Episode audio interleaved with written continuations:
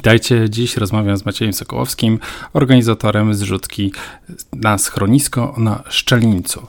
E, Macieju, o co walczyło schronisko?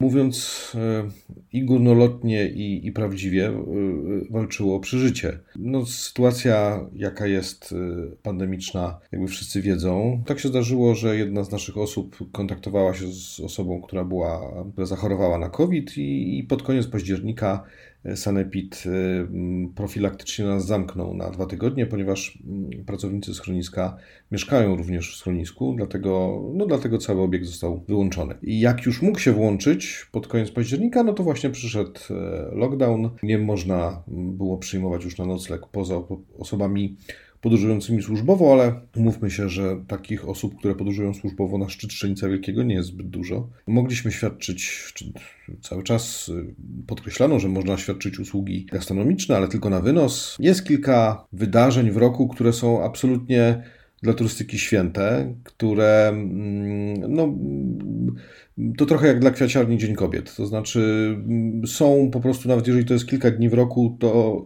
y, czy kilka dni w miesiącu, one ustawiają cały miesiąc. I takim, mm, takimi dniami jest Sylwester. Od połowy grudnia zaczynało być jasne, że ani świąt w tych górach, e, ani Sylwestra też nie będzie. A to jest e, tak naprawdę Sylwester w górach, czy Sylwester dla obiektu górskiego, który w dodatku nie ma wyciągu narciarskiego obok, a my nie mamy, no to jest takie zimowe być albo nie być. Życie przedsiębiorcy turystycznego w pandemii jest y, czasem y, od depresji do euforii. Euforii jak jakaś tarcza się w końcu trafi, do depresja jak sobie myśli, że za chwilę się skończy. Po konsultacji z, z, z, z moimi współpracownikami stwierdziłem, dobra, ruszamy, tym razem na zrzutce.pl. No i no i to było jakby duże zaskoczenie. To znaczy, ja nie, nie spodziewałem się nawet takiego odzewu, bo kwotę, którą sobie wymyśliliśmy, że, że zbierzemy na początek, czyli 30 tysięcy, zebraliśmy chyba w ciągu pierwszych trzech dni. To był świetny, jest świetny wynik.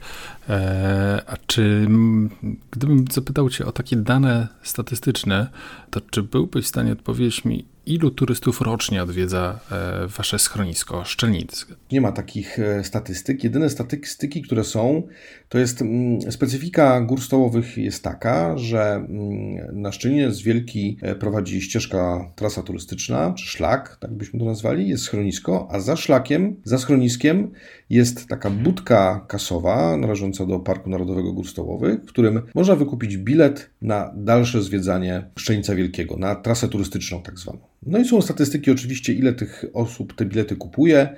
To jest kilkaset tysięcy rocznie. To znaczy, to jest oczywiście głównie to się w sezonie od maja do października odbywa. Zresztą wtedy tylko trasa jest czynna, w związku z tym nie wiemy, nie wiadomo ile osób odwiedza od października do maja, czyli zimą. No ale jeżeli powiemy, że tych osób w sumie odwiedza Szczeliniec, czy przechodzi przez Szczeliniec, bo, bo nie wszyscy też do tej kasy docierają, nie wszyscy płacą. Między 600 a milion osób przechodzi przez, przez Szczeliniec Wielki. Większość oczywiście do schroniska nie wchodzi, no ale jeżeli, jeżeli chcemy mieć jakieś, jakieś statystyki, ile, ile osób może mm, widzi, widzi budynek schroniska, o tak to nazwijmy, to myślę, że to są takie ilości. I jak to się zmieniło od czasu pandemii? Jak e, ten ruch zmalał, utrzymał się jako stały? Tutaj mm, posłużę się statystykami parkowymi. One, no oczywiście, no, w, w czasie lockdownu wiosennego, czyli marzec, kwiecień, no to, to spadek rzędu 80%. To znaczy, zresztą wtedy był zakaz wchodzenia do parków, do lasów, to, no to po prostu nikogo nie było. Potem od maja zaczęło to się odbijać, natomiast lipiec był jeszcze gorszy od lipca 2019, natomiast sierpień był lepszy od sierpnia 2020.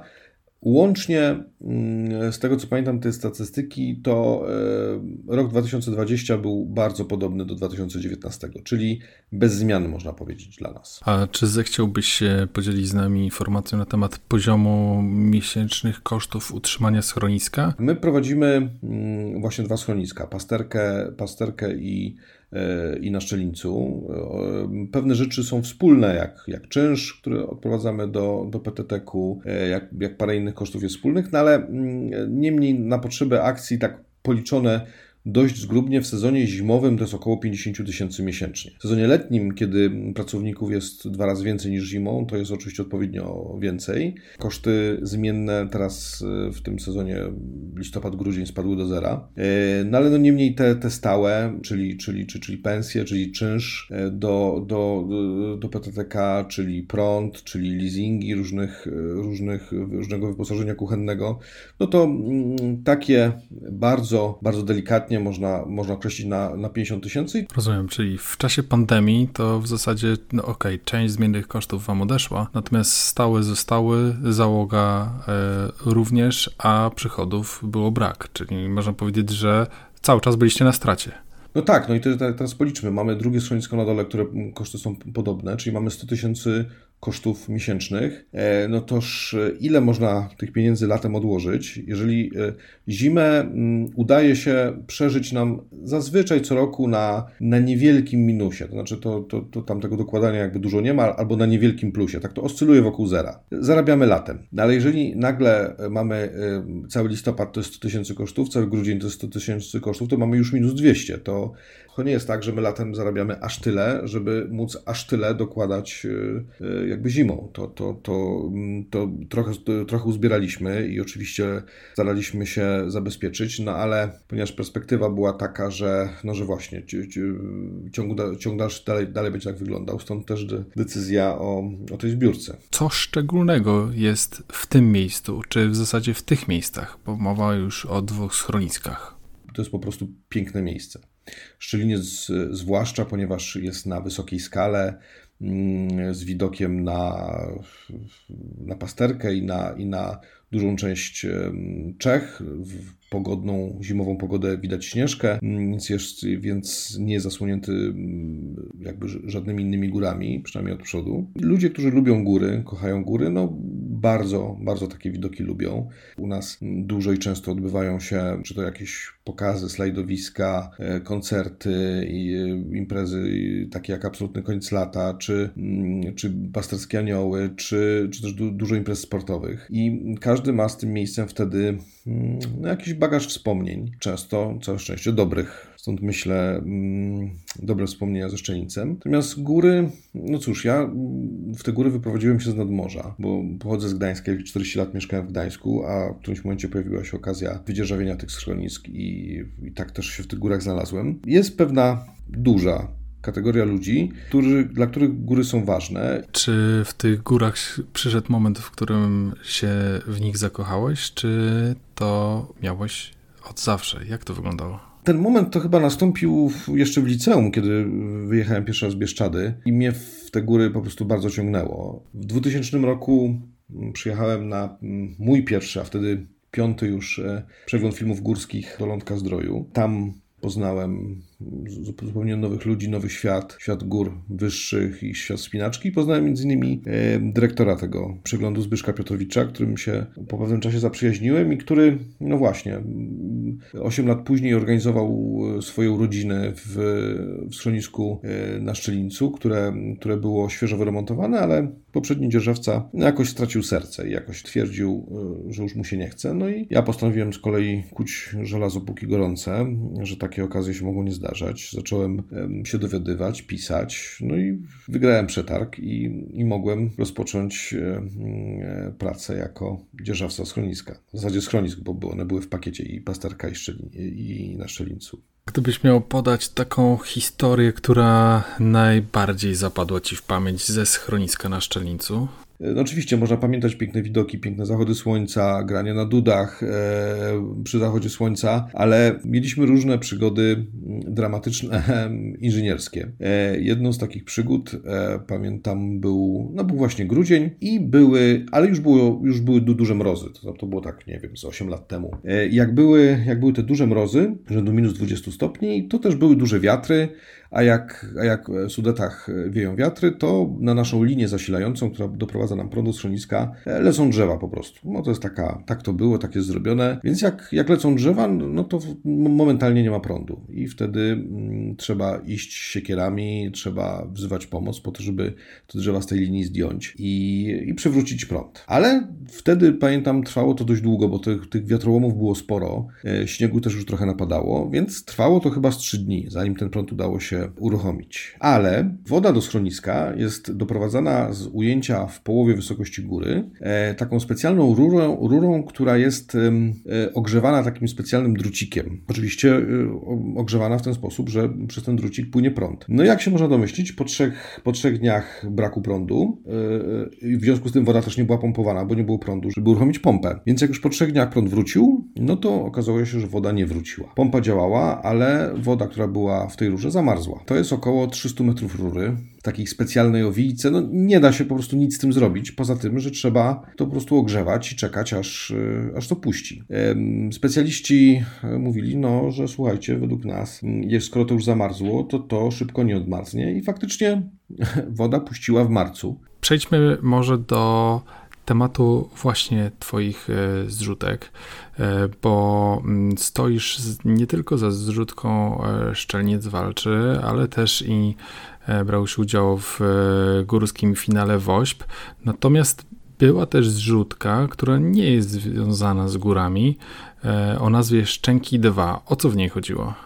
Jest e, taki człowiek e, w Kudowie, z Kudowy Zdroju, nazywa się Wojtek Heliński, którym, którego mam szczęście i zaszczyt by, być przyjacielem, który jest dla tych, którzy, zresztą no nie tylko z Kotliny Kłodzkiej, czy z ziemi kłodzkiej, ale wiele osób w Polsce i za granicą go zna. To, to działacz kultury, poeta, podróżnik, który no, serce ma na dłoni, który, który pomaga bardzo wielu osobom. Wojtek opowiada o tym e, ze swadą, jest dowcipem, miał, miał czy ma problemy ze swoją górną szczęką, e, którą, którą stracił lata temu. Potem udało mu się tak zwaną koronkę założyć, no ale ta koronka już dożyła swoich chwil. A brak zębów generalnie w pracy scenicznej przeszkadza. No więc e, w momencie, kiedy, kiedy Wojtek swoje, swoje oszczędności na, na szczękę musiał przeznaczyć na bieżące życie, powstał jakiś pomysł, żebyśmy e, właśnie uruchomili zrzutkę, no ale Wojtek się no, mocno krępował, mimo że o, o, o swoich ząbkach i, i przygodach pana Ząbka e, ma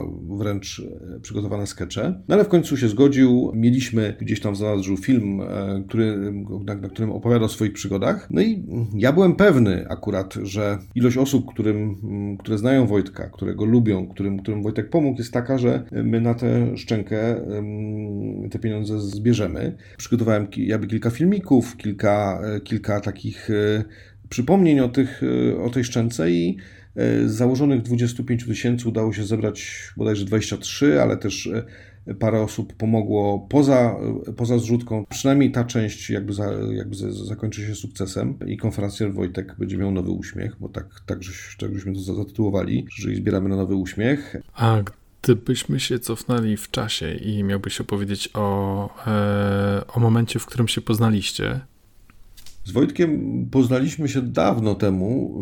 Y, oczywiście na jakimś, na jakimś wydarzeniu kulturalnym, którym, na którym takim momentem było, jak pamiętałem, jak Wojtek wpadł w adapter. No to była taka, taka impreza w stylu, stylu retro. Właśnie ten mój przyjaciel Zbyszek Piotrowicz, który trochę mnie namówił na to, żebym, żebym w te schroniska się zaangażował, poprosił Wojtka, że słuchaj, tak to, że są w jakiejś swojej książce napisał, że mam wrażenie, że ja tego Maćka trochę wpakowałem na minę z tymi schroniskami. Weź, pomóż mu tutaj trochę, bo, e, bo przecież no, z Gdańska nie wszystko jeszcze zna, chociaż parę osób tak, ale... No więc jakby Wojtek się bardzo zaangażował. Bardzo wiele osób go zna i bardzo wielu, wiele osób kojarzy właśnie z kolejnych imprez, zapowiadania na przykład, nie wiem, maratonu gór stołowych, gdzie, gdzie na przykład jest na mecie, czyli na Szczelnicu Wielkim przez dobre 10 godzin i wita każdego, każdego przybiegającego. Także... Mm, no jest jednym z tych osób, które, które są jakby wrośnięte w historię Szczelinca. Ojciec chrzestny tego miejsca. Przechodząc jeszcze do, do pewnej cechy wspólnej, opisy tych zrzutek są dość proste, często zabawne, ale poruszające, natomiast ty nie grasz na emocjach. Jak ty w ogóle tworzysz te opisy? Jak się przygotowujesz do zakładania tych akcji? Nie staram się tworzyć y, rzeczywistości równoległej. To znaczy, uważam, że jeżeli, że, że zwracam się z prośbą o pomoc do ludzi, no z jednej strony, którzy nas znają, to nie jest, to nie jest, to nie jest komunikat rad do osób, które nigdy na szczelnicu nie były, chociaż w komentarzach spotkałem się, się z takimi osobami, które mówią, u was jest tak pięknie, nigdy u was nie byłem, ale na pewno już teraz przyjadę, tymczasem wpłacam na, na szarlotkę czy, na, czy, czy voucher na nocleg. W przypadku pasterki to było prawie tysiąc, a w przypadku szczelnica to jest ponad tysiąc osób, które w jakiś sposób odpowiada, które swoim portfelem mówi, że to, co robisz, jest ok. To, co robisz, jest w porządku, chcę to wspierać. Taki dar od ludzi, te mnóstwo komentarzy, te mnóstwo słów wsparcia,